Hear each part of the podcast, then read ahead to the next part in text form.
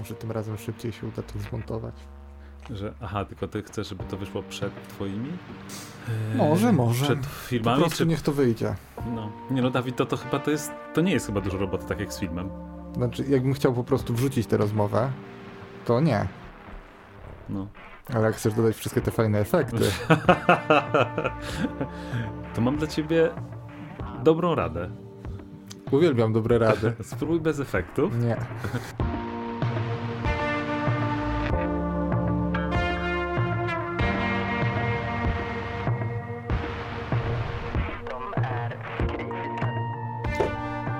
Dzień dobry, to jest przegadana godzina. Ruszyła klepsydra, która odlicza godzinę, a dzisiaj jak zwykle jest Jacek Patkowski w przegadanej godzinie. I Dawid Myśliwiec. E, Dawid Myśliwiec mówi na początku, Jacek Patkowski trochę później.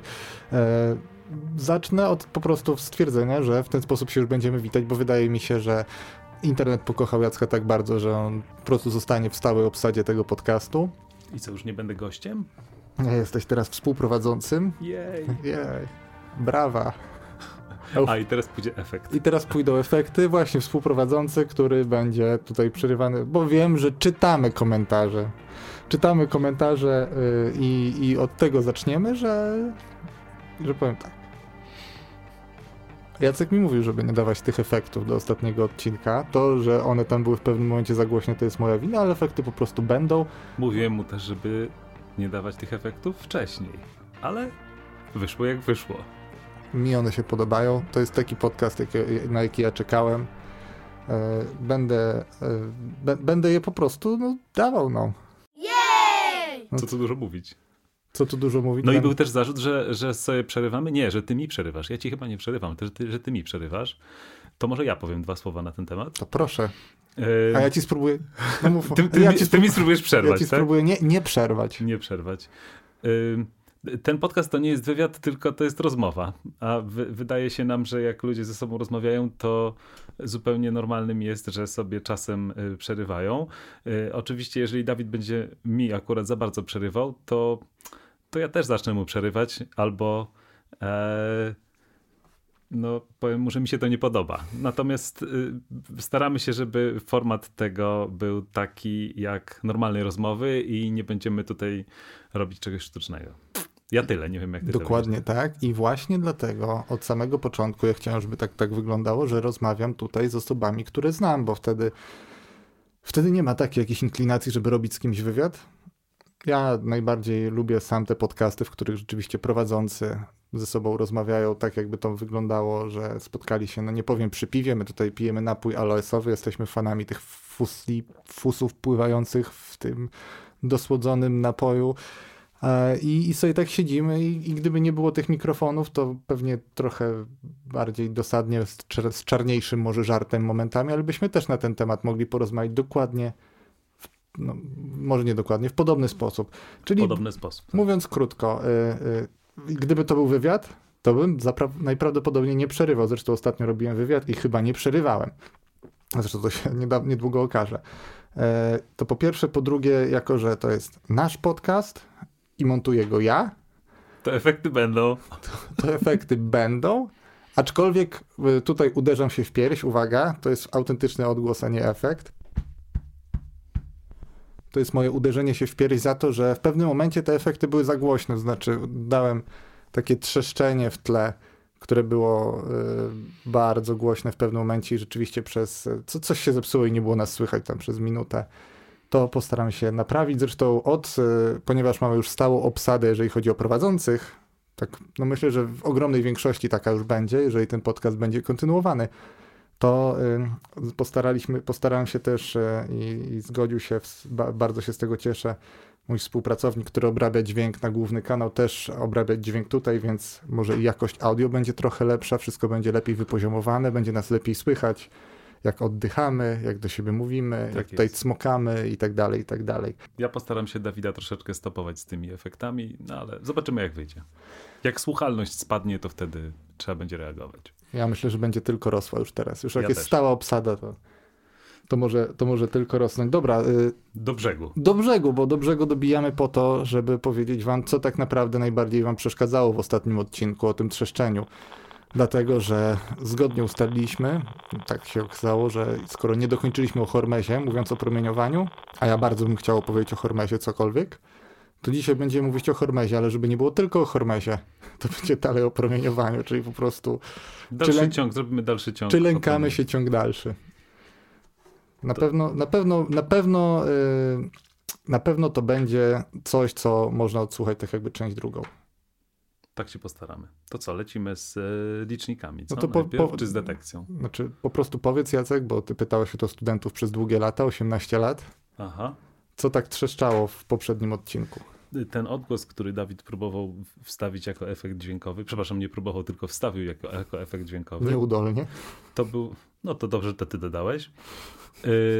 To był y, efekt działania licznika, y, który nazywa się licznik Geigera-Millera. Te trzaski, bardzo charakterystyczne, które się wielokrotnie pojawiają w filmach, w audycjach radiowych i rzeczywiście są zgodne z prawdą, może niekoniecznie aż tak głośne, to są odgłosy wyładowań. To są odgłosy wyładowań, to nie jest nic generowane sztucznie i teraz oczywiście, jeżeli tych wyładowań jest więcej, to znaczy, że natężenie promieniowania jest wyższe, jeżeli tych wyładowań jest mniej w jednostce czasu, czyli słyszymy je jakby bardziej, tak rzadziej, to wtedy oznacza to, że natężenie tegoż promieniowania jest mniejsze. Ale skoro już o tym, to tak pomyśleliśmy, że można by teraz powiedzieć kilka słów na temat w ogóle detekcji promieniowania i liczników promieniowania jonizującego. I tutaj wydaje mi się, że mam nadzieję, że się ze mną zgodzisz, należałoby zacząć od tego, że żeby promieniowanie wykryć, to trzeba znaleźć jakiś efekt oddziaływania tego promieniowania z materią. Bo teraz, czy to dobrze, czy źle, yy, promieniowania nie widać. Promieniowania nie widać, promieniowania nie słychać, promieniowania nie czuć, czyli tak naprawdę można powiedzieć, że go nie ma ale ze względu na to. Bo Zna, znam takie grupy, które mogłyby powiedzieć, że nie ma. Tak jest. Ze względu na to, my tego promieniowania nie widzimy, nie słyszymy, nie czujemy i tak dalej, bo nie mamy odpowiednich receptorów. Tak? Mamy receptory na przykład do odbioru promieniowania widzialnego, nazywają się hmm, oczy. Y, mam, mam. Mamy, nie? Niektórzy, większość osób ma. Y, no i dlatego promieniowanie elektromagnetyczne w zakresie tam 400 do 750 nanometrów mniej więcej takiej długości fali e, jesteśmy w stanie rejestrować. Natomiast nie mamy receptorów do odbioru promieniowania jonizującego. I żeby to promieniowanie wykryć, mm, co nie oznacza, że tego promieniowania nie ma i nie działa na nasz organizm, ale o tym troszeczkę później. Żeby to promieniowanie wykryć, powinniśmy mieć, powinniśmy znaleźć jakieś oddziaływanie tego promieniowania z materią i wykorzystać ten efekt w właśnie w działaniu danego urządzenia, które będzie nazywało się i teraz właśnie te dwie rzeczy. I już teraz widzę, widzę, że Dawid już chce mi przerwać. Nie, bo ja, ja, chcę po prostu dodać ci tutaj e, dla tych osób, które na przykład e, nie widziały pierwszej części albo ominęły wprowadzenie do pierwszej części. E, ja ci chcę tutaj dodać wiarygodności w tym momencie, bo macie, drodzy słuchacze, w tym momencie niebywałe szczęście słuchać inspektora ochrony radiologicznej z odpowiednimi uprawnieniami, człowieka, który przez 18, 18 lat uczył radiochemii na poziomie akademickim i jest autorem e, podręcznika, jednym z autorów jednym podręcznika z autorów. Mhm. do, do, do radiochemii, takiego laboratoryjno-ćwiczeniowego, ale, ale z dużą dozą teorii, także stać mnie może na, na, na sięgnięcie gdzieś tam wyżej, żeby nie wiem, zapłacić jakiemuś ekspertowi, który jeszcze jest egzaminatorem na przykład, ale, tak. ale, ale to jest naprawdę, na, naprawdę ciężko osobę z takimi papierami na mówienie o tym znaleźć. No tak. dobrze, to miło, bardzo miło, tak, tak, brawo, brawo. Natomiast, brawo, brawo, efekt. Tak, tak efekt tu teraz pójdzie. Y, to ja, żeby nie być tutaj y, jakby no, taki odosobniony, to też powiem, no dobrze, Dawid nie ma uprawnień inspektora ochrony radiologicznej, podręcznika z nami w zasadzie też nie pisał, ale zajęcia razem ze mną prowadził, bawiliśmy się przy tym świetnie i też y, dobrze, wiedzę tutaj merytoryczną na ten temat posiada. Dobra, to wystarczy, może tego chwalenia się, to... to... Może studenci się wypowiedzą w komentarzach, o chętnie bym posłuchał, co, co, jak wspominają zajęcia z nami. Ja, ja nie wiem, czy ja bym chciał, no dobra, zobaczymy, zobaczymy, zobaczymy. Ja, może, może, może studenci coś ktoś w komentarzu usunąć, to daj znać. Dobrze, bo Jacek chciał powiedzieć yy... wszystkim, że są dwie rzeczy tak naprawdę, które tutaj można wyróżnić. Aha, właśnie. I teraz tak, jeżeli dane urządzenie, jeżeli dane urządzenie będzie wykrywać tylko i wyłącznie obecność promieniowania, to takie urządzenie będziemy nazywać detektorem. Natomiast jeżeli dodatkowo tenże detektor będzie w stanie nam w taki czy inny sposób podać ilościowo, ile tego promieniowania jest, to będziemy takie urządzenie nazywać licznikiem. No i teraz w zasadzie wyróżniamy dwie takie podstawowe grupy detektorów bądź liczników. Już powiedzmy, że skupmy się tylko na licznikach, bo każdy licznik będzie detektorem, nie każdy detektor będzie licznikiem. Jak kwadraty i prostokąty. Tak jest. Będziemy mieli tak zwane liczniki gazowe i liczniki scintylacyjne. Liczniki gazowe działają na zasadzie prostego, stosunkowo prostego zjawiska, czyli jonizacji gazu, czyli wybijania elektronów z powłoki walencyjnej z cząsteczek. Yy... Walencyjna, można powiedzieć, ostatnia, najsłabiej związana. Tak jest, tak jest. I teraz ten efekt później jest odpowiednio przeliczany. Ja nie chcę tutaj wchodzić bardzo dokładnie w szczegóły, bo zrobilibyśmy pół godziny podcastu na temat budowy tak. liczników promieniowania, a jest to Ale można chyba w skrócie niezbyt pasjonujące, że są takie mechanizmy, nie? które pozwalają jeden elektron zamienić na dużo elektronów, a te dużo elektronów można łatwiej wykryć. Tak. I co więcej, mamy... te mechanizmy uwzględniają to, że te elektrony nie są tam na zawsze, tylko zaraz może być zliczony następny elektron. Tak jest. Powstający tak jest. w wyniku jonizacji, bo my liczymy, te, mówimy teraz cały czas o promieniowaniu jonizującym. Mhm. Oczywiście, dlatego ono ma tę cechę. I teraz w, tych licznik, w tychże licznikach gazowych wyróżniamy licznik taki najprostszy pod tytułem komora jonizacyjna, wyróżniamy licznik proporcjonalny i licznik, czy najbardziej zaawansowany, na pewno najbardziej znany, mhm. licznik właśnie wspomniany już dzisiaj przeze mnie, licznik Geigera-Millera. I właśnie te słynne trzaski, które są słyszane przy działa działaniu licznika Geigera-Millera, to są odgłosy e, rozładowania lawin powstałych poprzez e, co, tą jonizację pierwotną, później powielanie lawiny i, i rozładowanie tych lawin to są, e, to są te trzaski, które... Ja, ja, jako były student Jacka dodam, że lawina to jest w takim pewnym uproszczeniu ta bardzo dużo elektronów, które powstaje na skutek tej pierwotnej jednej jonizacji, którą my tak naprawdę wykrywamy. I później są zwielokrotnione. No, są, no właśnie. Jeden elektron zamienia się w dużo elektronów, jeden jest ciężko zmierzyć, zliczyć, zarejestrować, jak dużo to jest je ciężko przeoczyć. Tak jest. No i teraz, czyli to będą liczniki gazowe, ale żeby, żeby one w ogóle działały, to ta jonizacja gazu musi na początku zajść, czyli promieniowanie musi mieć odpowiednią, odpowiednio dużą energię, żeby tenże elektron wybić. Z drugiej strony będą liczniki scintylacyjne, które wykorzystują jako tą podstawę swojego działania zjawisko tak zwanego zimnego świecenia albo luminescencji, e, czyli wzbudzenia odpowiedniego materiału, który zaczyna emitować światło zarówno w zakresie widzialnym, jak i w zakresie UV, pod wpływem tego, e, tego wzbudzenia. Tam też się pojawia promieniowanie cieplne, czyli promieniowanie podczerwone, ale powiedzmy, że dla nas ono nie jest już takie, takie ważne w tym momencie. I tutaj jakby to zrozumienie, y, przeliczenie tych, tych ilości jest jeszcze łatwiejsze chyba niż w przypadku licznika y, Geigera-Millera, dlatego że w liczniku scintylacyjnym po prostu urządzenie finalnie mierzy ilość tych błysków, które powstaje pod wpływem działania promieniowania jonizującego na tę substancję yy, scintylującą. To nie jest oczywiście tak, że to jest jeden do jednego, yy, ale jest proporcjonalność pomiędzy jednym a drugim. Jeżeli znamy tę proporcjonalność, czyli finalnie jesteśmy w stanie policzyć błyski, a tak naprawdę znowu prąd, ale to znowu już yy, szczegóły techniczne, jeżeli jesteśmy w stanie policzyć ilość tych błysków, to możemy cofnąć się tak jakby i policzyć ilość cząstek promieniowania jonizującego, która do naszego licznika dotarła. I w ten sposób mamy liczniki scintylacyjne.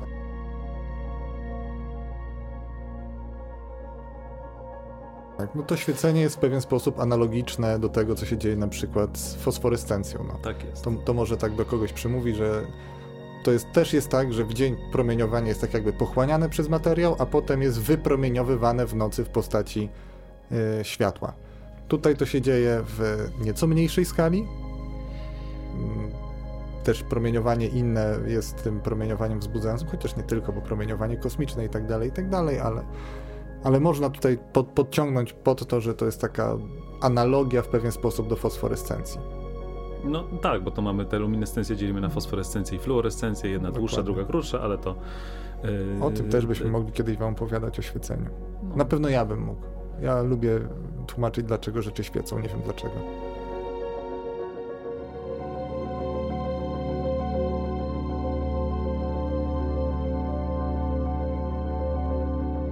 Dobra, to skoro jesteśmy przy, e, przy działaniu liczników promieniowania jonizującego i w ogóle przy wykrywaniu, no to tu chciałbym się odnieść do pytania, które pojawiło się na moim Instagramie. To było w kwietniu, tak, wtedy, to... kiedy nagrywaliśmy pierwszy odcinek były lekkie problemy techniczne i dosyć późno to, to wyszło. Problemy techniczne to zapierdziel miałem straszny i to była rzecz, którą z jakiegoś powodu odkładałem, że dobra, to zaraz, to później, to zaraz, to może zrobię film z Chciałem cię wybronić. Ale tu nie ma co bronić, no. no to, to, to nie jest wstyd, że, że miałem inną pracę, no, przeprowadziłem się, w ogóle teraz jest pierwszy odcinek nagrywany w studiu, które można nazwać studiem, a nie przy w zasadzie na stole, na którym normalnie się je.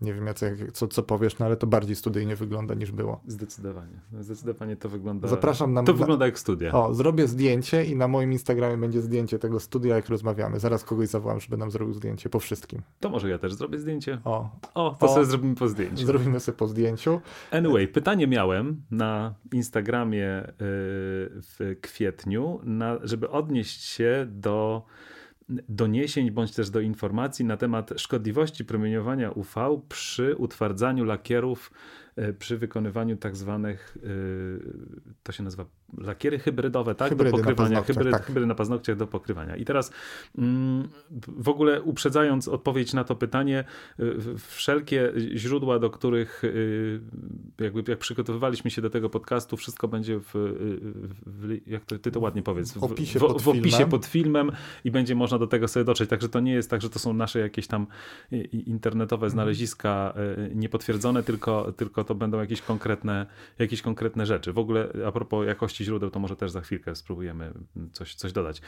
E, I teraz tak, y, z doniesień internetowych, e, właśnie może źle, z doniesień publikacyjnych, do których ja dotarłem. Przez internet. E, przez internet oczywiście, ale to mówię, internetowe źle brzmi samo w sobie. Mm, I ja znalazłem takie informacje. Rzeczywiście ludzie się tym zajmują. To zagrożenie jest badane, czy tam było badane, o może w ten sposób.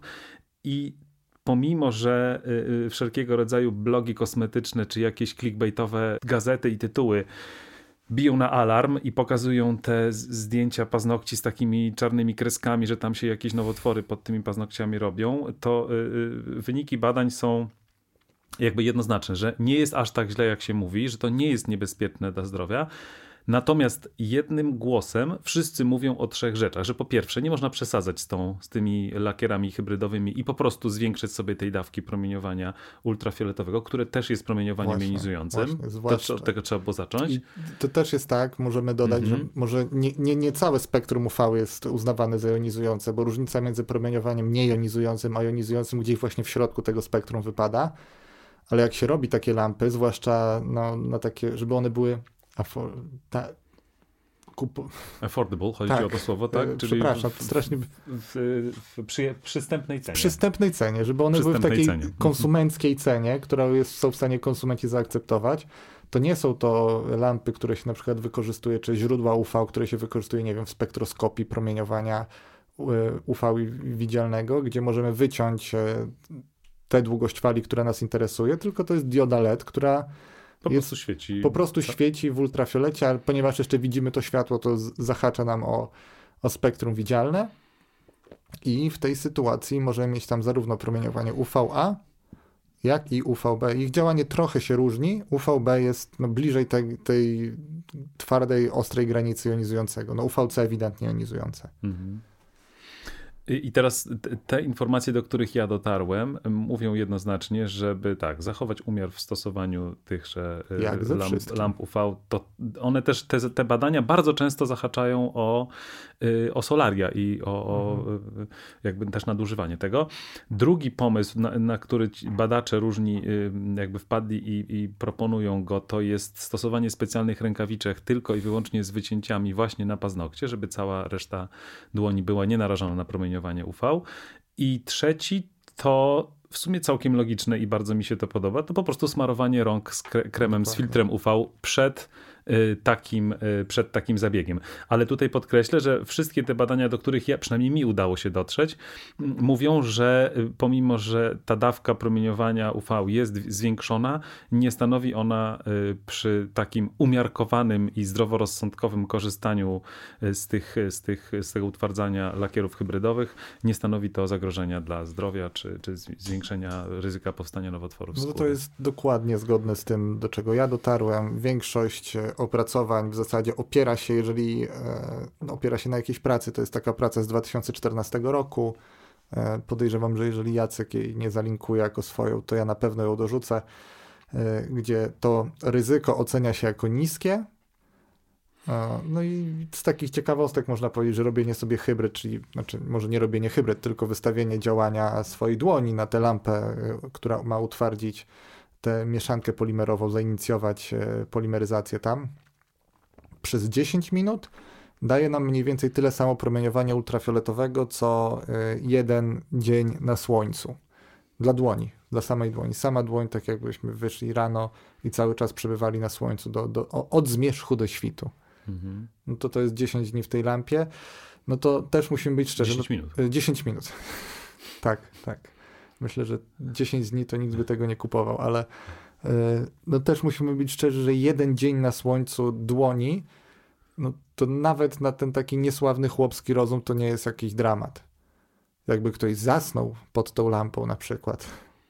Jej nie wyłączył i by się nie przegrzała. Znaczy, y, jedną rzecz też trzeba dodać tutaj moim zdaniem. Y, nie wiem, czy nie, nie wspomniałeś o tym, ale prawdopodobnie jeżeli czytałeś te same prace co ja, to, to może gdzieś tam y, to znalazłeś, że płytka paznokcia nie pochłania całego promieniowania UV, czyli jeżeli ktoś wystawi niepomalowane paznokcie albo cienko pomalowane paznokcie na, na promieniowanie ultrafioletowe, to to promieniowanie dojdzie do tej warstwy skóry, która jest pod paznokciem, czyli nawet posmarowanie dokładnie dosyć tutaj gdzieś opuszków i tak dalej tym kremem, to nie jest tak, że nawet przy dużym SPF-ie, czyli tym e, współczynniku pochłaniania promieniowania, to nie jest tak, że, że nasz organizm w ogóle nie dostanie, bo może dostać pod paznokciem troszeczkę. Oczywiście mówię, to będzie zależało od miliona rzeczy, od grubości paznokcia, bo też chyba będzie zależało od grubości i ilości tej warstwy, Dokładnie. którą się utwarza. Przecież ona tak naprawdę też będzie tak, pochłaniać tak, promieniowanie tak. I, i promieniowanie, nie chcę powiedzieć, że się będzie zużywać, ale no skoro ono powoduje powstawanie wolnych rodników, żeby była polimeryzacja no, wolnorodnikowa, no to przecież też jego, jego intensywność się osłabia, prawda? Na samej tej warstwie tak. tej hybrydy. Tak, tylko no, y, ja też nie chcę tutaj wchodzić, nie chcę tutaj udawać, że jestem ekspertem. Znam parę osób, które się na tym znają, znam osoby, mam w swoim ognisku domowym osoby, które sobie same te hybrydy robią właśnie w domu i, i to też jest tak, że bardzo często, żeby ta hybryda lepiej się trzymała, to warstwę paznokcia się tak jakby, tak jakby narusza, w sensie... Matowi? Tak, tak. O to chyba nawet się tak nazywa, Jacek. Mówisz, jakbyś to robił kiedyś. Cicho. miało, miało się nie wydać. Miało się nie wydać. Jak, jak wrzucisz zaraz na Instagrama jakieś takie zdjęcie paznokci, to, to będzie dopiero. Aha. E, no teraz, jeżeli masz, to masz bezbarwny, to ja nie jestem w stanie powiedzieć. Natomiast e, to też może osłabić, zmniej, zmniejszyć tak jakby tę pochłanialność paznokcia, jeżeli to się robi często i często i ten paznokieć nie ma czasu się odbudować, a ciągle jest matowiony i i jego grubość jest zmniejszana, to może więcej tego promieniowania dochodzić. No tak jak ze wszystkim zresztą, można z tym wszystkim przesadzić. Wszystko na świecie jest, działanie wszystkiego na świecie jest kwestią dawki. Jeżeli miałbym sobie tatuować jakieś motto tego kanału gdzieś na ciele, to prawdopodobnie to by było, no, że dawka czyni trucizną. Z promieniowaniem UV też tak jest, promieniowaniem UV e, promieniowaniem jonizującym. Dzisiaj podyskutujemy, czy też tak jest, że może mieć działanie prozdrowotne, to na sam koniec do tego zmierzamy ale cały czas kręcimy się tutaj wokół dawki i, i żeby nie było niedomówień, to, e, to też korzystając z obecności inspektora ochrony radiologicznej, myślę, że trzeba tutaj e, wyraźnie powiedzieć, co możemy mieć na myśli mówiąc dawka, bo to nie jest tak, że jak powiemy dawka promieniowania, obejrzymy Czarnobyl, usłyszymy dawka promieniowania, to, y, to, to, to, to będzie zawsze i dokładnie to samo. Zresztą o Czarnobylu przypomnij mi, żebyśmy jeszcze coś powiedzieli potem. To pewnie za chwilkę też o Czarnobylu. No to... o serialu Czarnobyl. Tak, oczywiście. Dawki. Wydaje mi się, nie jestem, jako że to było w kwietniu, tak już dokładnie nie pamiętam, myśmy się jakoś sprytnie prześliznęli przez te Bardzo dawki. One gdzieś tam się pojawiły, tak. dlatego teraz, żeby to usystematyzować i też nie znowu... Jako dydaktycy żeby... czujemy skruchę, że tak. to tak było I też, ale, ale i... też, żeby to nie było za dokładnie, żeby nie zanudzić y, słuchaczy. Więc dawka, y, wyróżniamy, dawek jest dużo różnych, naprawdę można je na wiele różnych kryteriów, kryteriów podzielić. My tutaj chcemy powiedzieć o trzech powiemy o dawce pochłoniętej, mhm. o dawce równoważnej i o dawce skutecznej, bądź też czasem nazywanej z dawką e, efektywną. I dokładnie w tej kolejności. Dawkę rozumiemy jako ilość energii, która zostaje przekazana bądź pochłonięta danemu materiałowi. E, dawka pochłonięta, ta pierwsza, nazwijmy ją tak, podstawową, bo od niej będziemy zawsze wychodzić, to ilość energii, która jest pochłonięta w masie danej materii. I teraz tą podstawową jednostką dawki jest Gray. Chciałem to y, zrobić cicho, że uzupełnię ci e, napój aloesowy, ale obawiam się, że ktoś może pomyśleć, że tutaj, nie wiem, sikamy na ściany. Bardzo i... się starał, ale wyszło jak wyszło. No, jak wyszło. To, co słyszeliście, to było uzupełnianie napoju. Dziękuję. Jednostką, jednostką dawki pochłoniętej jest Gray. Rozbijamy go na joule na kilogram, czyli energia podzielona na, e, na masę. I w zasadzie tyle, jeżeli chodzi o tą podstawową dawkę pochłoniętą. Tylko, że ta dawka pochłonięta tak naprawdę mało co nam mówi, bo Różne rodzaje promieniowania, o których mówiliśmy w pierwszej części, będą oddziaływać na materię i na, na przykład na organizmy żywe w różny sposób. I czy to będzie promieniowanie alfa, czy to będzie promieniowanie beta, gamma, czy też neutronowe trzeba to w jakiś sposób uwzględnić. I w tym celu wymyślono dawkę równoważną. Dawka równoważna jest niczym innym jak dawką pochłoniętą, czyli to, co mieliśmy przed chwilą, tylko przemnożona przez odpowiedni bezwymiarowy współczynnik wagowy promieniowania. Bezwymiarowy znaczy, że jak był gray, to zostaje gray. No właśnie tutaj nie do końca. No, no właśnie, po, powinien zostać gray, więc teraz... Yy... Znaczy dalej to jest joule na kilogram. Tak, to jest dalej joule tak. na kilogram, ale, ale że, się inaczej nazywa. Ale żeby odróżnić tą dawkę podstawową w grejach od dawki równoważnej wymyślono y, nową, zaproponowano nową jednostkę, która nazywa się sievert, w skrócie SV, ale ona dalej to jest joule na kilogram. Ten współczynnik y, sievert od szwedzkiego fizyka medycznego, który nazywał się Rolf Sievert. Nie masz wrażenia, że po prostu ktoś chciał się zapisać w historii nauki i pomyślał, kurde, joule na kilogram w dawkach zajęty, to może spróbuję wcisnąć jeszcze swoje nazwisko? Wydaje mi się, że nie, Dawid, bo z tego co pamiętam, ale jeżeli się pomylę, to proszę mnie poprawić w komentarzach. Ten, ten pan Rolf Sievert zmarł w roku 1966, natomiast jednostka Sievert została wprowadzona w 1976, A. czyli 10 lat później. Ale nie, mogę, no to... mogę się mylić, ja jestem nie, na pewno, na pewno słaby jestem z historii i z dat. Na pewno to było w kategoriach żartu, tylko oczywiście, po prostu studentom oczywiście. na pewno to miesza w głowie, że tak, zostaje że... im joule na kilogram, mnożyli przez współczynnik, który się mówi bezwymiarowy, czyli nie ma ani sekundy, ani kilograma przy nim. Nie ma żadnego miana, Zostaje tak. joule na kilogram i z grejów w międzyczasie robi się sievert. Robi się sievert. I teraz tenże współczynnik wagowy promieniowania jest bardzo tutaj y, ważny, bo y, przyjmuje wartości od 1 do 20, ale wcale nie po kolei. Tam jest 1, 5, 10 i 20, jeżeli dobrze pamiętam wszystkie wartości. E, i dla promieniowania alfa jest najwyższy i dla średnioenergetycznych neutronów jest najwyższy, wynosi 20 i to oznacza, że to są jakby najbardziej jonizujące i najbardziej niebezpieczne rodzaje promieniowania. Natomiast dla promieniowania... Jak już oddziałują. Jak tak, jak już oddziałują. Natomiast dla promieniowania beta i dla promieniowania gamma ten współczynnik wynosi 1, co oznacza ni mniej, ni więcej, tylko to, że promieniowanie alfa jest 20 razy bardziej niebezpieczne albo będzie dawało przy tej samym aktywności, przy tym samym natężeniu promieniowania, będzie dawało 20 e, razy większą dawkę niż promieniowanie e, gamma czy promieniowanie beta. I teraz mógłbym zapytać, panie inspektorze, czy to znaczy mniej więcej, że jak sobie przyłożę do, do czoła. Tylko nie, tylko nie mów o lizaniu. Że jak sobie przyłożę do czoła źródło promieniowania alfa, to zrobię 20 razy więcej szkód niż jak połknę taką samą, e, o tak samo aktywne źródło promieniowania gamma jeżeli przy... Kurde, ty to jesteś naprawdę z tymi pomysłami swoimi, co? Dlatego nasi studenci na pewno uwielbiali, jak zadawaliśmy im pytania na laboratoriach. Tak. Dwa, alfa do czoła. Alfa a... do czoła i jedno połknięte. I to alfa mi zrobi 20 razy więcej szkód niż. Jeżeli przyłożysz do głowy, to myślę, że sporo szkód ci zrobi w mózgu, nie? Tutaj jest blisko, ale też z drugiej strony może być bardzo szybko pochłonięte już w samym naskórku praktycznie. Mhm. E, gamma. Nie, ja się, ja się nie podajmę, tak, wiesz, bo później zaraz ktoś mi złapie za, za, za, za ten... Dążę, dążę do tego, że jest trzecia dawka, która tutaj tak. powinna być uwzględniona. Jest, jest trzecia dawka, jest trzecia dawka albo jakby, no, ta nazwa skuteczna, dawka skuteczna, dawka efektywna, gdzie bierzemy dawkę równoważną, gdzie Czyli bierzemy to, dawkę... co było w Sievertach. To, co było w Sievertach, to, gdzie mnożyliśmy przez współczynnik wagowy promieniowania i tym razem mnożymy to przez współczynnik wagowy tkanek albo narządu, bądź też organu, który jest napromieniowany. I rozumiem, że tutaj o to ci chodziło z tym mózgiem i, i z połknięciem źródła gammowego. Tak. Y, te wartości są najwyższe, najwartości współczynników wagowych tkanek są najwyższe dla szpiku kostnego i dla i dla organów rozrodczych. Mhm. Później jest żołądek, jelita i ten na samym końcu, na samym końcu mamy naskórek, chyba powierzchnia kości, jeżeli dobrze pamiętam. Tak. Mm, I, I, to jakby po, też pokazuje, że samo policzenie tej dawki i, i tutaj już, bo ja tak jak Dawid mówi, my czytamy te komentarze, które napiszecie, to słynne 3.6 y, y, rentgen, not great, not terrible. Y, Dawid jeszcze tego nie widział, bo on jeszcze nie oglądał serialu, ale to o serialu właśnie no mówię, zaraz, zaraz ci dam tutaj dojść do słowa.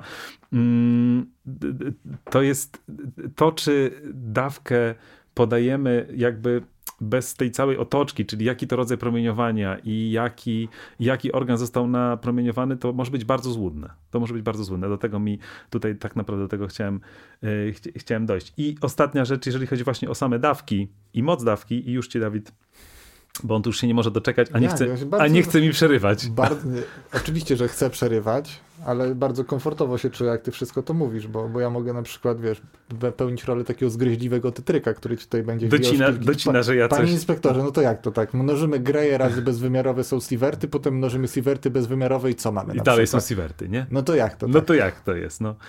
E, więc bo, te bo jednostki... Dalej, dalej są Sievert, nie tak. wiem, czy powiedziałeś. Chyba, tak, nie, tak. Te, tego chyba nie powiedziałem. Ten, ostatnia dawka skuteczna, efektywna, to też jest dawka e, w Sievertach. Czyli tutaj jest pewnego rodzaju takie trochę zamieszanie. Można powiedzieć, trochę.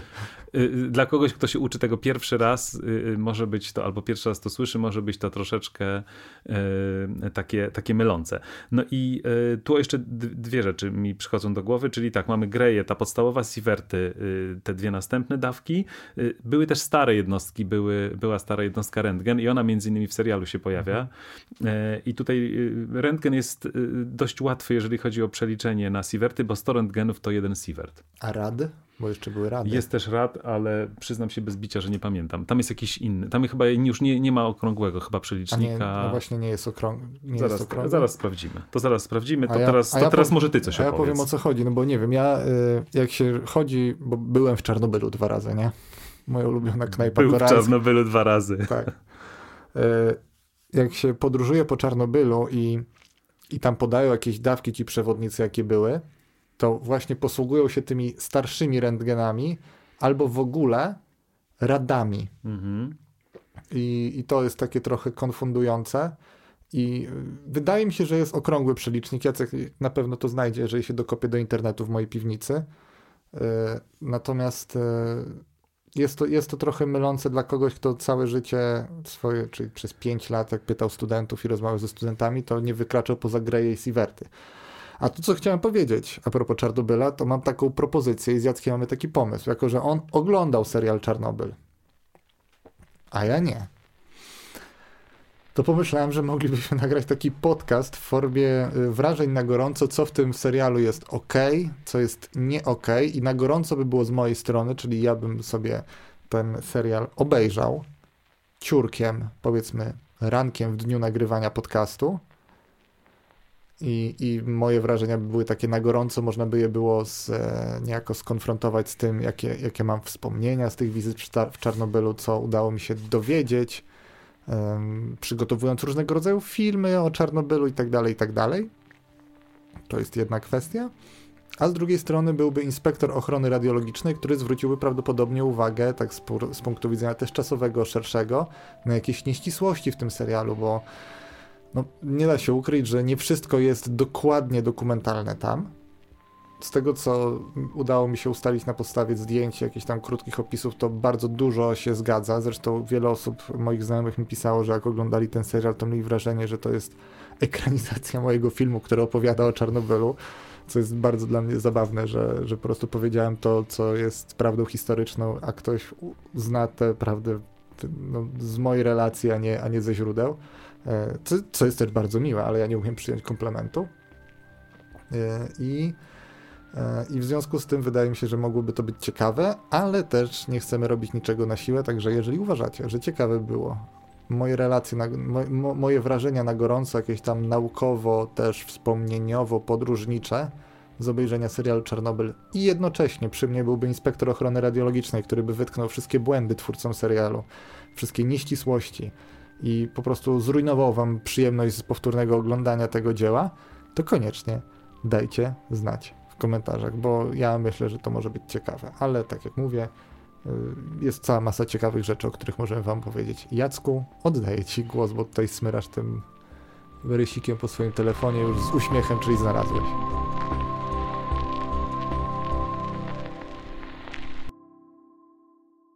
Dobrze, czyli mamy tak, no stare jednostki. Teraz mamy Grey i Sievert, mhm. Czyli Grey do pochłoniętej, Sievert do równoważnej i do efektywnej. Kiedyś było analogicznie, był rad do pochłoniętej i rzeczywiście tutaj miałeś rację, ja nie pamiętałem tego. Jeden rad to jedna setna Greya. Mhm czyli jeden grey to 100 radów, tak? To mm. podobny jest ten przelicznik i to jest od radiation absorbed dose, jednostka dawki pochłoniętej tylko i wyłącznie. I, czyli tak jakby no, jednostka rad jest powiedzmy na tym samym poziomie co jednostka grey teraz. Natomiast jeszcze o jednej jednostce y, powiem pod tytułem REM. A, tak, REM Jednostka REM, czyli Rentgen Equivalent in Men. Rentgen Equivalent in Men w sumie nawet całkiem fajne, bo Sievert nie wiadomo od czego, znaczy teraz już wiemy, tak, że to jest od nazwiska, ale, ale tutaj Wszyscy było... będą to pamiętać, już do końca życia. Tak, na pewno, na pewno. To jest jednostka równoważnika dawki promieniowania jonizującego pochłoniętego przez organizm, czy tak jakby te remy to są dzisiejsze Sieverty, tylko znowu przelicznik jest taki, że jeden rem to jedna setna Sieverta. Czyli znowu z tym rentgenem gdzieś tam też, że, że A jest ten... to?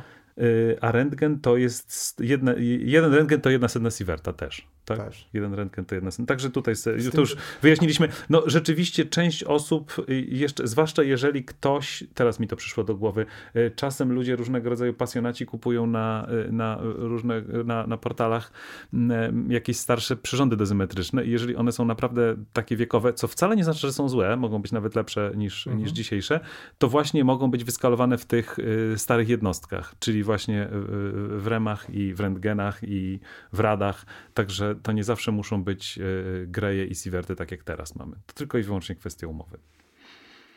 E, no to chyba myślę, że ten temat wyjaśniliśmy. Nie? Tutaj. Znaczy, e, podejrzewam, że jeżeli ktoś tego słuchał i, i w pewnym momencie się wyłączył i włączył, to na pewno nie jest wyjaśniony. Dawki promieniowania to jest coś, co jest z jednej strony intuicyjne, a z drugiej strony, jak się na którymś etapie wyłączy, to jest tak jak z dowodem w matematyce, że ciężko y, wniosek z dowodu złapać, jeżeli się w środku na przykład nie ogarniało tego, co się dzieje. Całe szczęście można sobie przewinąć i posłuchać jeszcze raz. Tak, całe szczęście. Dziękuję, dziękujemy za, za to, że nie jesteśmy w radiu. Dobra, kolejna rzecz, do której chcieliśmy się odnieść, bo o to pytanie było, tylko już nie pamiętam, czy u ciebie, czy u mnie, nie ma znaczenia, to było narażenie pilotów i stewardess, chociaż lepiej byłoby nara powiedzieć narażenie na promieniowanie inicujące załóg statków latających. No, myślę, że zanim o tym, tak? zanim o tym, to trzeba powiedzieć, że jak mamy te sieverty tak? i pójdziemy gdzieś z licznikiem promieniowania i on nam wyświetli ileś tam sievertów, to nie znaczy, że tyle sievertów przy, przyjęliśmy, tylko prawdopodobnie on mierzy moc dawki, czyli w jednostce czasu.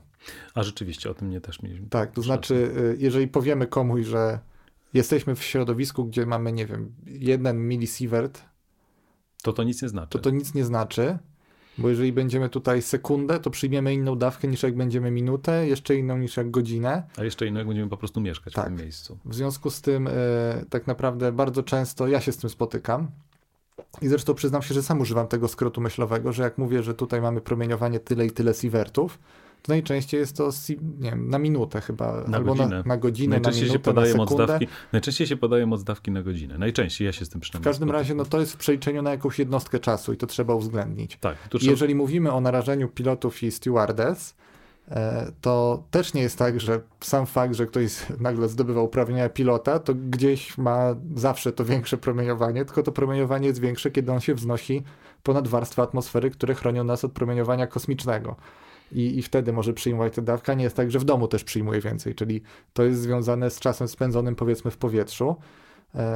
E, i, I równie dobrze mogą być osoby zupełnie w naturalny sposób narażone na podwyższone promieniowanie, bo ja na przykład znalazłem taką informację, że jest rejon w Indiach, y, który był zresztą poddawany pewnym badaniom związanym z hormezą radiacyjną, o czym, to, y, o, o czym można przeczytać, gdzie promieniowanie naturalnie wynosi w ciągu roku, przyjmuje się promieniowanie rzędu 13 milisievertów.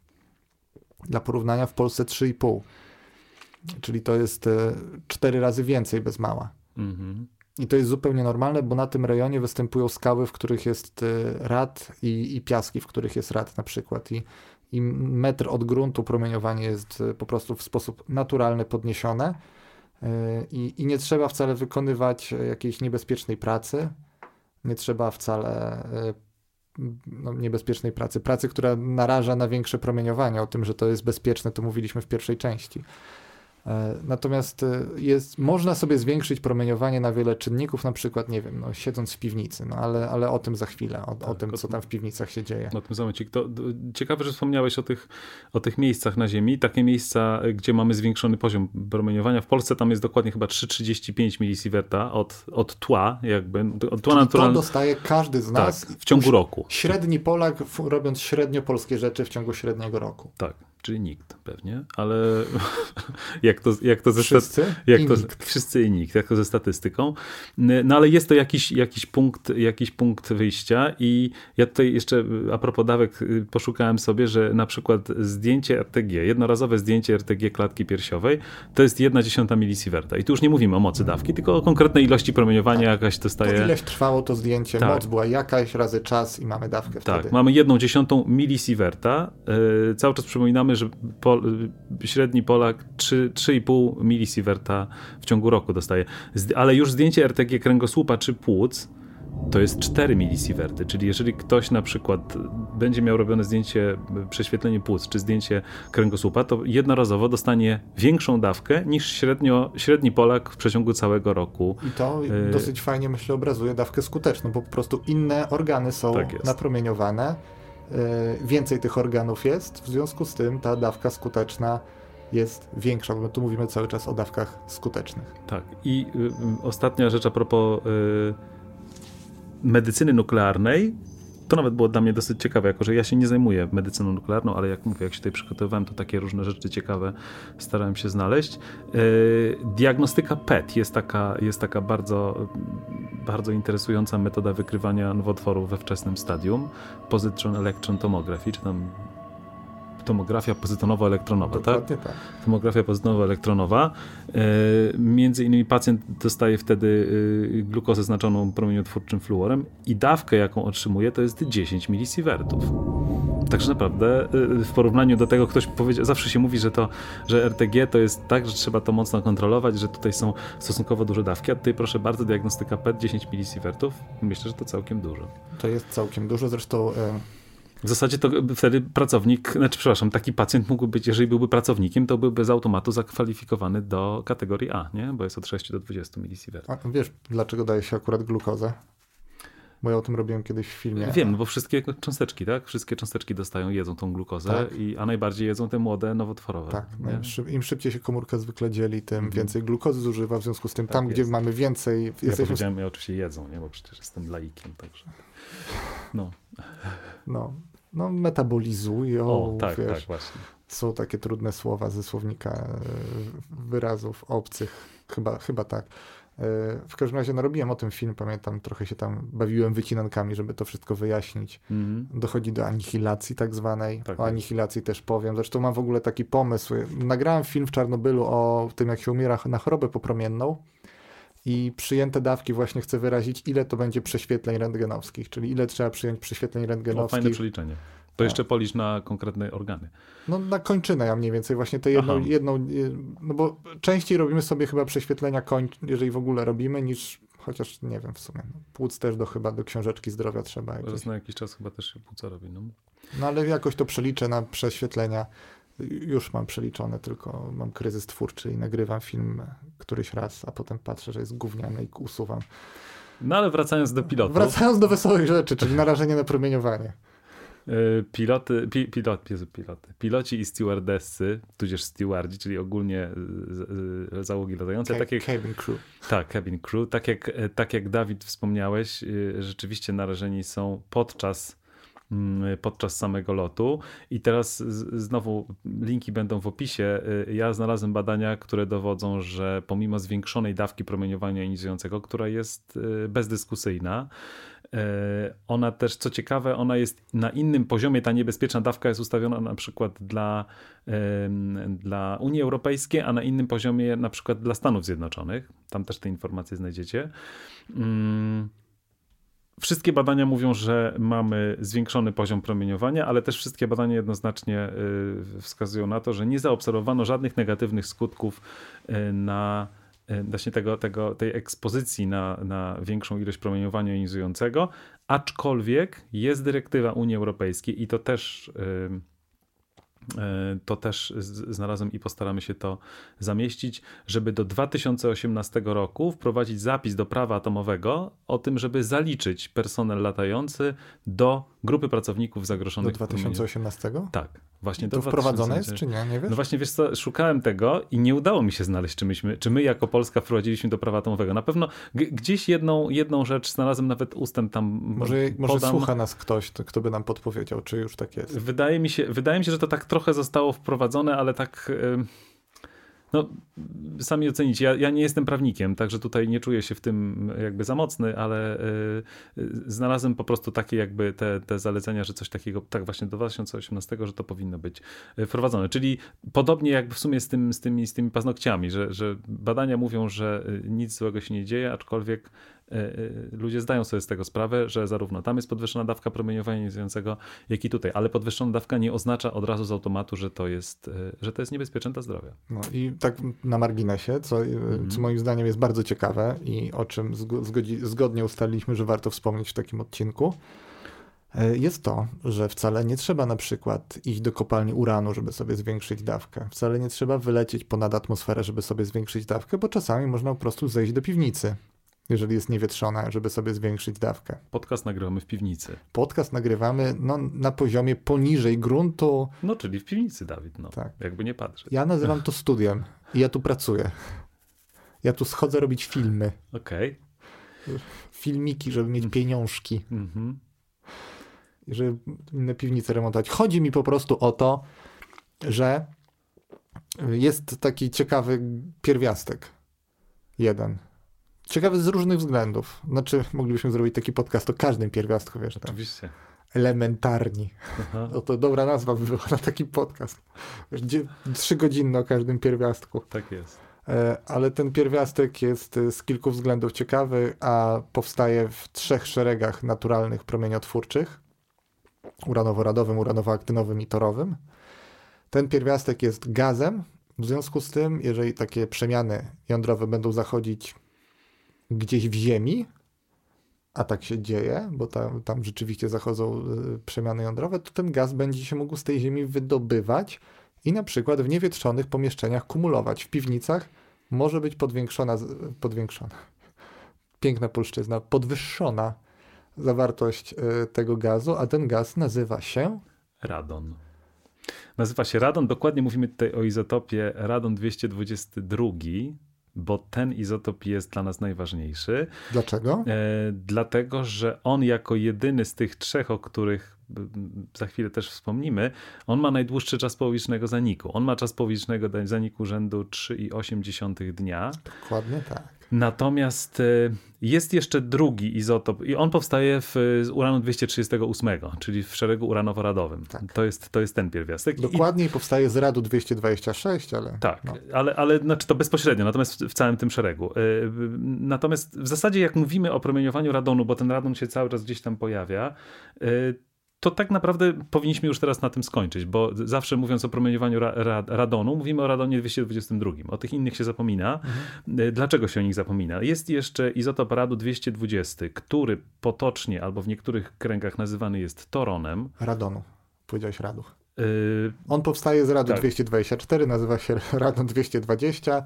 Czasem nazywa się toron, czasem nazywa się toron i jest jeszcze radon 219, czasem nazywany aktynonem. Dlaczego te dwa pierwiastki, y, znaczy dwa pierwiastki, te dwa izotopy radonu, dlaczego są y, pomijane i dlaczego są trochę mniej ważne? Y, jeżeli dobrze pamiętam, radon 220 ma czas powierzchnego zaniku 59 minut, nie, 54,5 sekundy ja mam wynotowane. Aha, sekundy. Ja pamiętam 50 coś. A aktynon? On też jest jakiś bardzo krótki. 3,9 sekundy. No, także w zasadzie on się bardzo szybko rozpada i nie ma szansy, nie ma możliwości, żeby w niebezpieczny jakiś tam sposób na nas Dostał się, no bo on oddziaływać. To w zasadzie wygląda tak, że jeżeli ten radon powstaje któryś z nich, to zanim się dostanie do piwnicy, powiedzmy, czy do jakiegoś niewietrzonego pomieszczenia nisko, to już mamy inne pierwiastki. To już mamy inne pierwiastki. Tak. Zawsze w tych szeregach to jest polon następny w kolejności.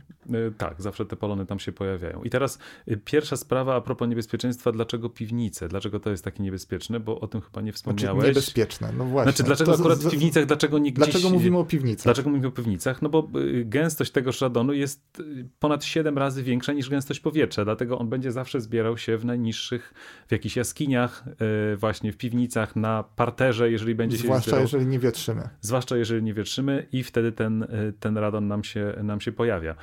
Mm, dlaczego, druga sprawa, dlaczego w ogóle mówimy o jakimś tam gazie y, y, i dlaczego jakby tutaj o nim, o nim wspominamy?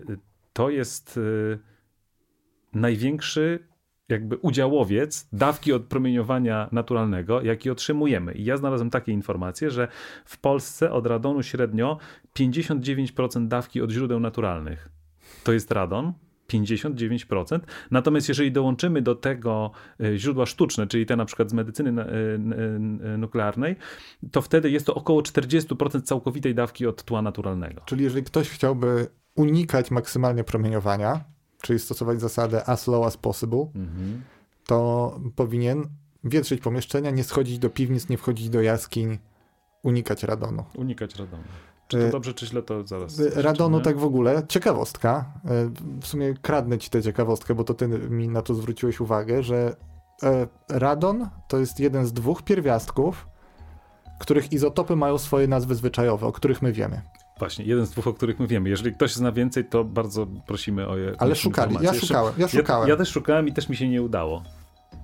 Chodzi o to, że jak macie izotopy wodoru, w zależności od tego, ile one mają nukleonów w jądrze, czyli w tym wypadku suma protonów i neutronów, to mówimy o tym, że mamy prot, który ma tylko proton, de, y, deuter, który mhm. ma proton i jeden neutron, i tryt, proton i dwa neutrony. Lub bardziej potocznie mówi się wodór pierwszy, wodór drugi, na przykład wodór trzeci, tak? Tak, albo jeden, dwa, trzy. Tak, jeden, No ale powiedzmy, że to są przypadki, gdzie ma izotop tego samego pierwiastka jakąś inną nazwę, która jest rozpoznawalna. Tak.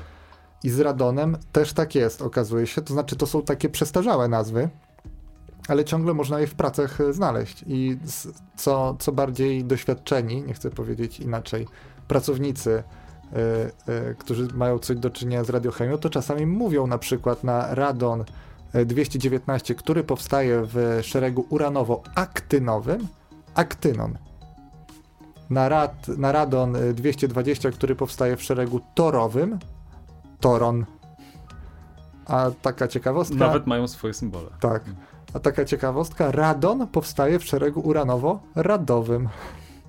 Czyli mamy tutaj bardzo ładny system nazewnictwa i to jest y, drugi z przykładów, o których e, my wiemy, a naprawdę murzyliśmy trochę nad tym, gdzie izotopy, czyli ten sam pierwiastek, ale ma inną liczbę neutronów w jądrze, e, gdzie izotopy pierwiastka mają inne nazwy. A kiedyś w ogóle radon jeszcze miał się inaczej nazywać. Niton albo, uwaga, Emanacja. Emanacja. Tak, Emanacja. Się, tak się kiedyś miał nazywać. Wracając jeszcze na sekundę do tego, mm, do tego nazewnictwa izotopów, to po prostu zupełnie naturalnym jest to, że, nie wiem, przykładowo weźmy sobie izotopy węgla, mamy najbardziej popularny węgiel C12, mamy węgiel C13 i mamy węgiel C14, ten słynny od radiodatowania i nikomu nie przychodzi do głowy, żeby te izotopy inaczej nazywać. Po prostu przyjęło się, że izotopy... A może zacznijmy taki trend. C14 na przykład datonon. Datonon.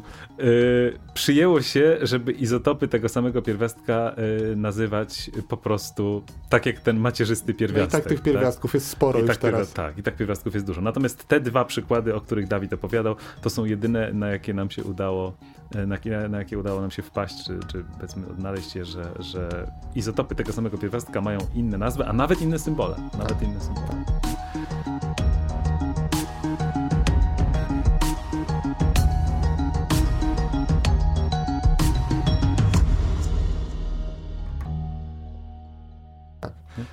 Jacku, wygląda na to, że zdążymy ruszyć Hormezę. Bo, Niesamowite. e, bo dlaczego? Bo idealnie to jest nawiązanie do radonu, że e, przez Ale moment mówiliśmy... może powinniśmy powiedzieć, dlaczego on jest niebezpieczny, bo jeszcze o tym nie wspomnieliśmy. No to powiedz, dlaczego jest niebe... Dlaczego y, niektórym może wydawać się, że jest niebezpieczny. O tym, czy jest Znaczy- niebezpieczny, to podyskutujemy To tak, przez ostatnie tam, nie wiem, rzeczywiście. Dla- przeciągniemy oczywiście, ale podyskutujemy. Dlaczego zdążymy. w ogóle warto się tym zajmować i dlaczego dawkę otrzymujemy? Po pierwsze jest to pierwiastek promieniotwórczy, po drugie jest to pierwiastek alfa i gamma promieniotwórczy, a jak już wspomnieliśmy dzisiaj, promieniowanie alfa jest najbardziej niebezpieczne.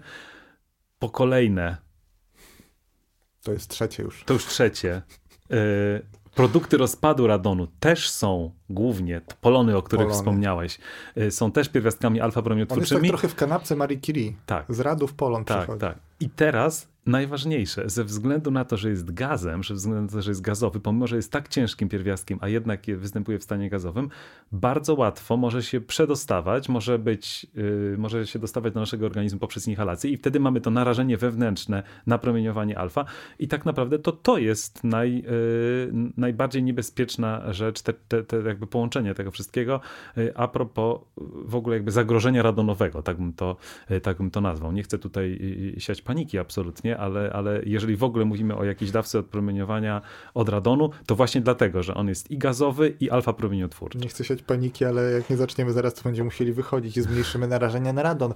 Y, Dlaczego nie chcę siać paniki? A ja będę nawet powiedział, że może, może to dobrze, że siedzimy w tej piwnicy. Może to dobrze, że siedzimy w tej piwnicy. Dlaczego? Dlatego, że jest coś takiego, bardzo ciekawa koncepcja, która nosi nazwę hormeza radiacyjna. O co z tym wszystkim chodzi? Dlaczego akurat w kontekście jakiejś paniki, zagrożeń radonu? Ano chodzi o to, że kiedyś dawno, dawno temu, to były lata 50., y, niejaki Herman Miller, który badał e, muszki owocowe, badał wpływ promieniowania jonizującego na powstawanie mutacji u tych muszek z gatunku Drosophila. E, On sformułował taki postulat, który model, teorię, którą oznacza się akronimem LNT. Linear No Threshold Theory, czy tam model, który mówi, że jeżeli wyobraźmy sobie układ współrzędnych, ja będę przed wami teraz malował taką piękny obraz, który, na który składa się układ współrzędnych. I na osi X mamy przyjętą dawkę. Na osi Y mamy zniszczenia, czy jakieś zagrożenie, jakkolwiek zwał, tak zwał, mutacje i tak dalej, i tak dalej.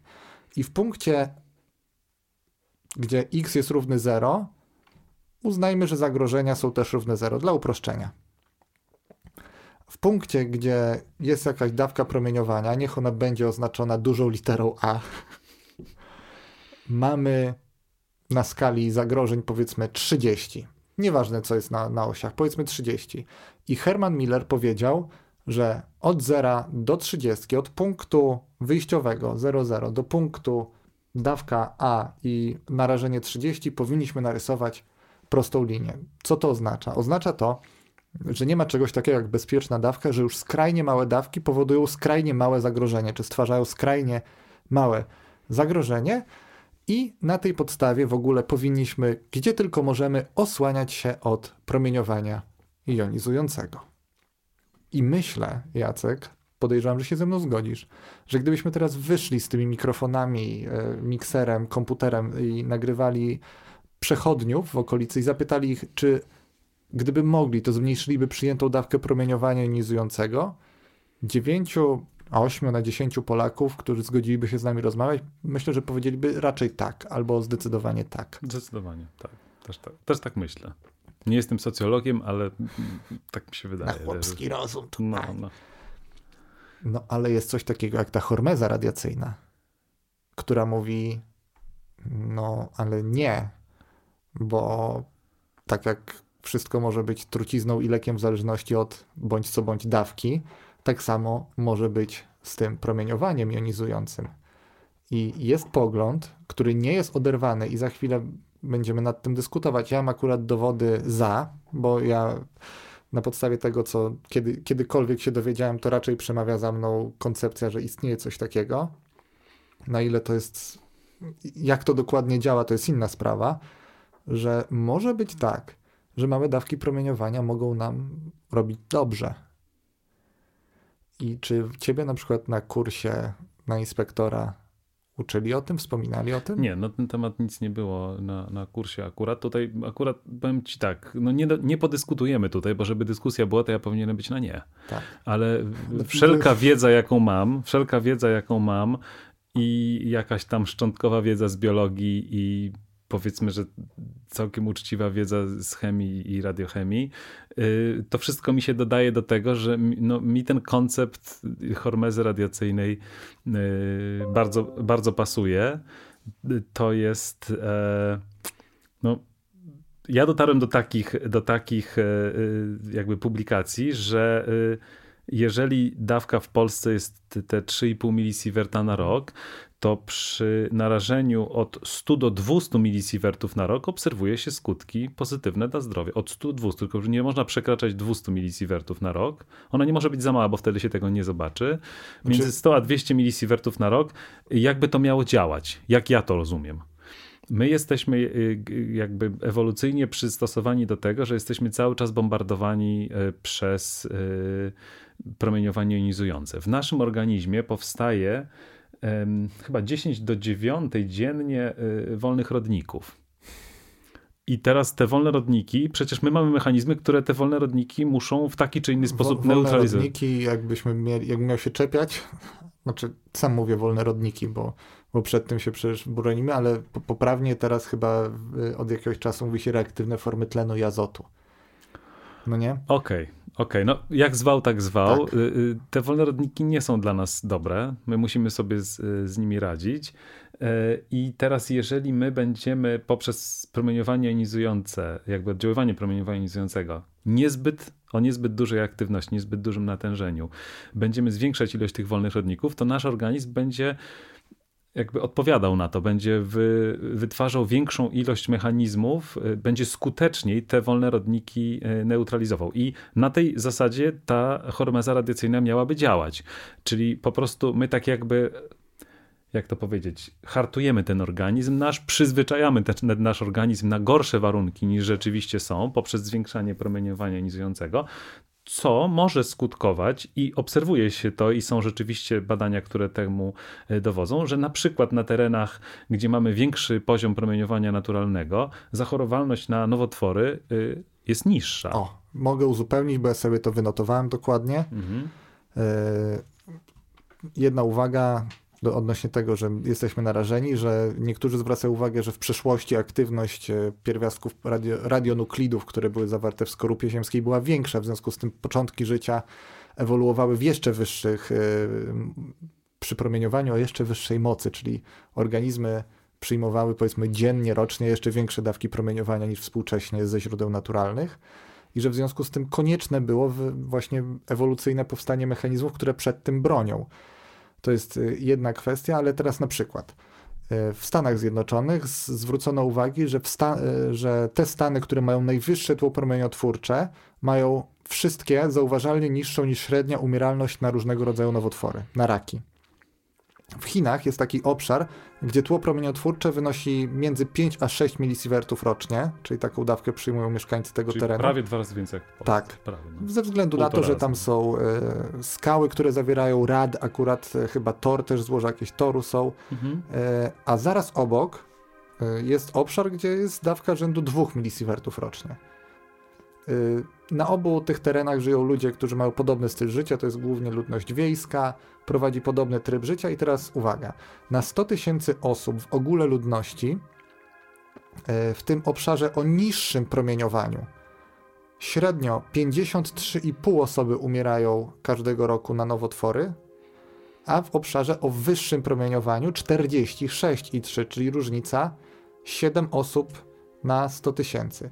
No ale porównując 46, 53.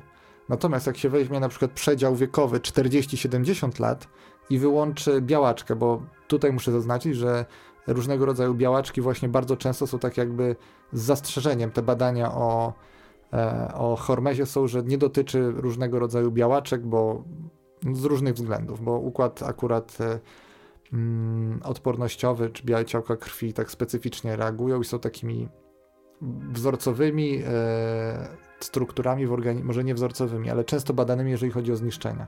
W każdym razie 40-70 lat nowotwory, obszar o wysokim promieniowaniu, o, o niższym promieniowaniu.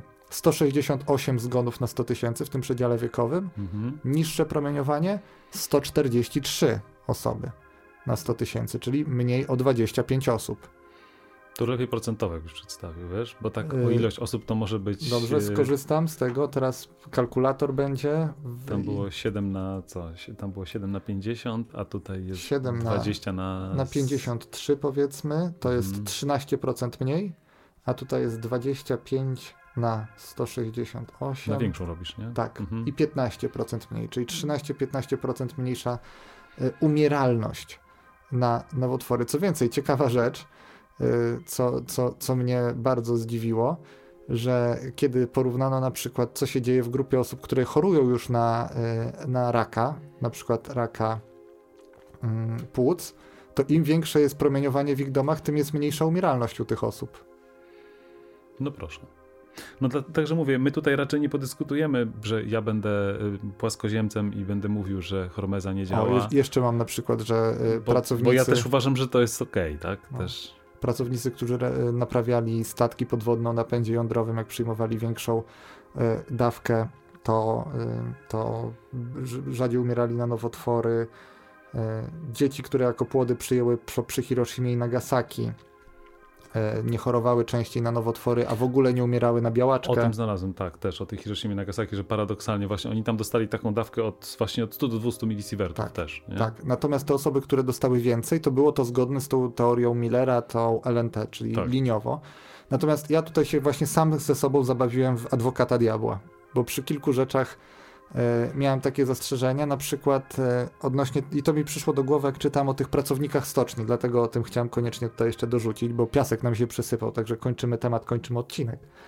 Ale zastanawiałem się, jakie mogą być inne czynniki, które sprawiają, że ta grupa, która pracowała z zwiększonym promieniowaniem, e, dłużej żyła na przykład, albo rzadziej umierała na nowotwory. I nie wiem, może masz świeże spojrzenie, ale ja powiem, ma, masz jakiś świeży taki pomysł, dlaczego to nie, mogło mów, być? Mów, mów. Mhm. Mi na przykład przychodzi do głowy coś takiego. Jak e, zdajemy sobie sprawę, że promieniowanie jest niebezpieczne i wystawiamy kogoś na większe promieniowanie, to ta osoba na przykład jest częściej badana i można wcześniej wychwycić pewne choroby.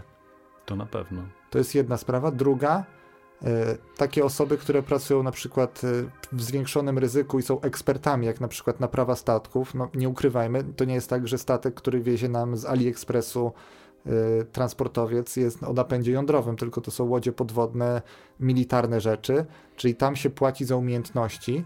Być może te osoby były też lepiej opłacane, a w związku z tym bardziej mogły zadbać o swoje zdrowie, lepiej się odżywiały, w związku z tym, że więcej zarabiały na przykład niż ci, którzy naprawiali zwykle statki. E, no i wydaje mi się, że może być też tak, że nawet nie tyle częściej są badani po, ale jeszcze nawet przed, czyli tam szuka się osób o konkretnych predyspozycjach, czyli na przykład jeżeli ktoś miał problemy zdrowotne, to nie zostanie zaproszony do takiej pracy. Jeżeli ktoś kiedyś przechodził nowotwór, to nie zostanie zaproszony do pracy przy zwiększonym promieniowaniu, tylko są też przeciwwskazania do takiej pracy natury zdrowotnej i, i myślę, że z tego też trzeba sobie zdawać sprawę, bo jeżeli mielibyśmy powiedzieć, jaki jest konsensus naukowy, to konsensus naukowy jest taki, że trzeba badać dalej. No, zdecydowanie. I ja tutaj bym więc ja jestem jakby rękami, nogami za, hormezą, za hormezą. To też nie jest tak, żebyśmy się źle nie zrozumieli, że my tutaj sobie z Dawidem przynieśliśmy źródełko, postawiliśmy na przykład na czas podcastu, żeby na nas świeciło, nie? Żebyśmy jakąś dawkę sobie Bo to przyjęli. byłby dowód anegdotyczny. Tak jest. Y, faktem jest, że w byłych kopalniach uranu y, organizowane są wycieczki takie właśnie radonowe. Można poszukać, są sanatoria radonowe, bije w Polsce się... chyba są kopalnie tak, w Polsce. Tak, w Polsce, tam w Kowarach. W Kowarach pod, pod Wrocławiem, tutaj tak. Wałbrzych Wałbrzychem, Szklarską Forębą, tak, o tutaj. Tak.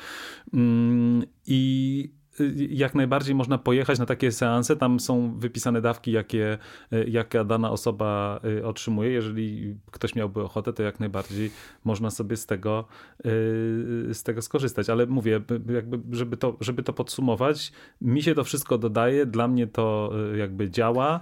I rzeczywiście, tak jak mówisz, trzeba by to, trzeba by to dalej y, y, badać, ale moim zdaniem to są już te rzeczy, które już teraz są przebadane, są już y, no, takie bezapelacyjne. Znaczy, no, na pewno trzeba by tutaj dodać na przykład to, że w mojej opinii przynajmniej, ale zgodzi, zgodzi się z tym zapewne gro ekspertów, bardzo mocno za hormezą radiacyjną przemawiałoby to, że mamy mechanizm, który ją tłumaczy. Tak.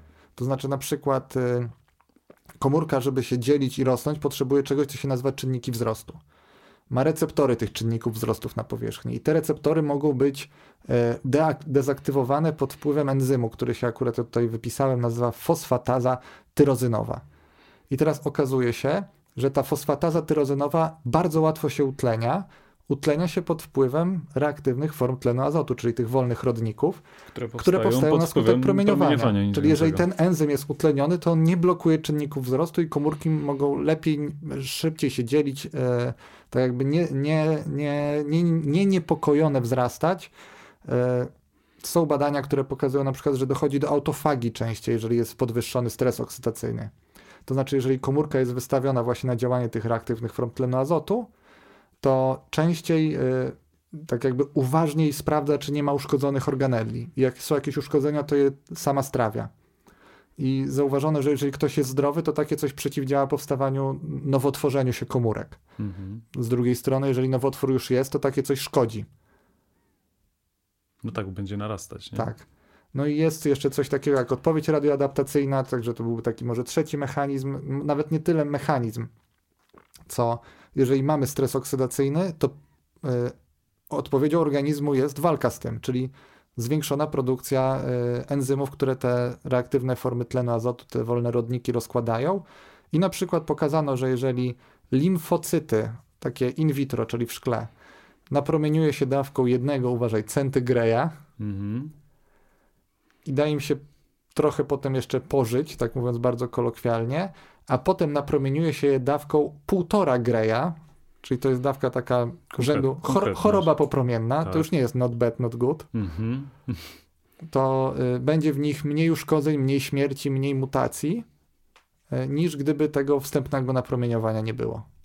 I to jest myślę takie y, bardzo syntetyczne, no ale niestety człowiek składa się nie tylko z limfocytów, także nie można tego tak jednoznacznie powiedzieć. Jednoznacznie, no. Natomiast y, ja bym tutaj jeszcze zacytował, strasznie się rozgadałem na koniec, bo bardzo chciałem o tej Hormezie, to chyba widać, że chciałem o Hormezie. Bardzo. Y, znalazłem taki cytat, który aż mnie zszokował, bo nie byłem w stanie go zweryfikować, bo on jest z publikacji naukowej, ale nie ma źródła do, do tych słów akurat. To nie jest w żaden sposób polinkowane wewnątrz tej publikacji. I z niego wynika mniej więcej coś tak, tutaj parafrazując ten cytat. Podobne, podobnie promieniowanie jest niezbędne do życia, i doświadczenia, w których osłonięto organizmy żywe różnego rodzaju osłonia, osłonami i wyeliminowano działanie promieniowania jonizującego, doprowadziły do ich licznych chorób i śmierci. W domyśle. Ja coś takiego słyszałem. Ja w domyśle. no. y, nie możemy żyć bez promieniowania. Tak, ale w, dom, w domyśle rozumiem, że to nie jest tak, że one kiedyś umierały, bo wszyscy kiedyś umrzemy. Tak. Tylko, że umierały częściej i były na przykład częściej y, chore. Jak nie było promieniowania. Jak nie było promieniowania. Też coś takiego, gdzie, gdzieś to mi świta, ale nie, nie, nie potrafię znaleźć e, tego. No, ja znalazłem cytat, źródła. natomiast nie znalazłem źródła tego. No to jest ciekawe. Na pewno to jest ciekawe, warto śledzić. No to dyskusja trwa już dekady. To chyba jest od lat 50. Tak. No właśnie mniej więcej wtedy jak Herman Miller. A tak. tak na marginesie, Herman Miller okazało się, znał badania niejakiego Sterna, też bardzo znane nazwisko, jeżeli chodzi o promieniowanie, który, e, który dowodził już pierwszych e, objawów tej hormezy, czyli jako pierwszy zwiastował, że coś z tą hormezą może być na rzeczy mm -hmm. i po prostu je zignorował, tworząc ten swój model liniowy. Bo to może być tak, że z punktu A do B można przejść na różne sposoby i czasem nie trzeba iść w prostej linii, tak jak Miller założył, że jeżeli dawka A powoduje 30 zniszczeń, to dawka połowa A będzie 15, a jedna dziesiąta A będzie 3 tylko może być tak, że jedna dziesiąta schodzi gdzieś na minus pod oś x tego mojego malowniczego opisu. Mhm. I tak mniej więcej wygląda to w Hormezie, jeżeli przyjmiemy jej prawdziwość, w którą y, ja, to nie jest tak, że wierzę, tylko to, czego się dowiedziałem, pozwala mi ją zaakceptować. No mi też zdecydowanie mi to, y, mi to pasuje. Dobra, myślę, że trzeba będzie kończyć. Koń, na pewno koniec, piasek się przesypał, przegadana godzina była na, na sam koniec. Polecamy?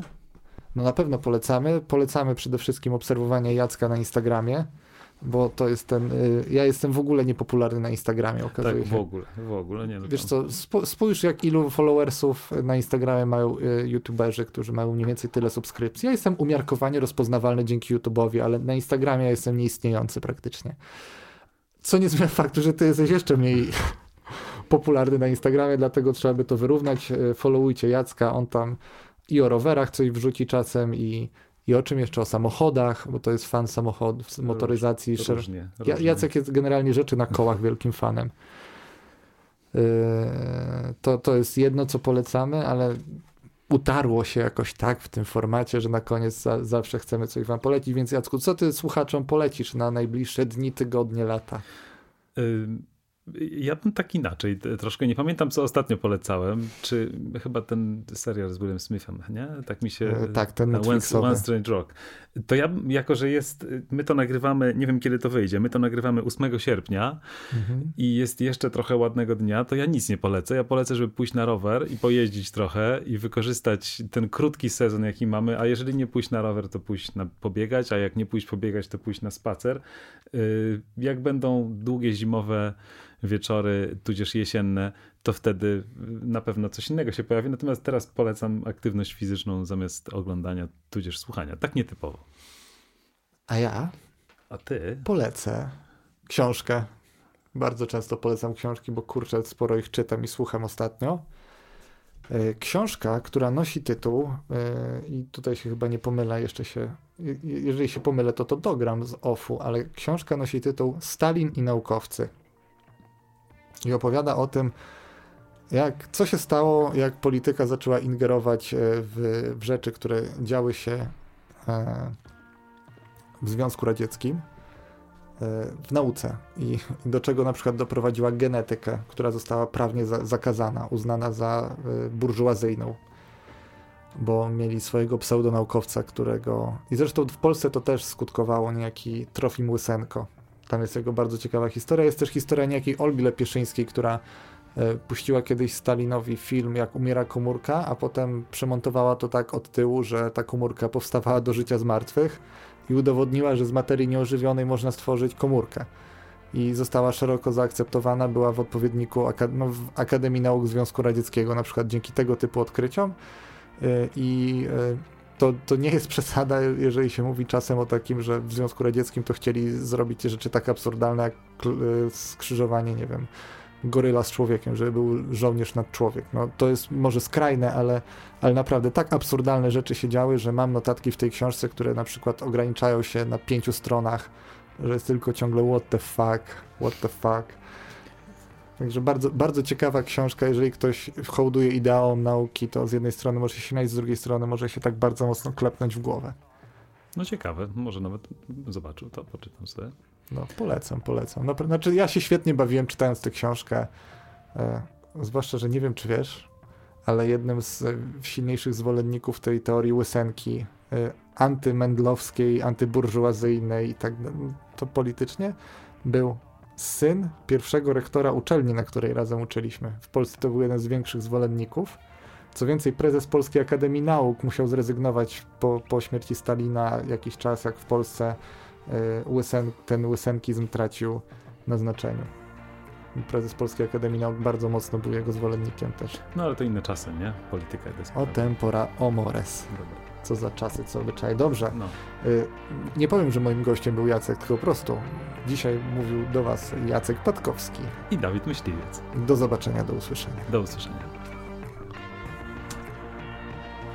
Bardzo fajnie. Co? Troszkę może rzeczywiście...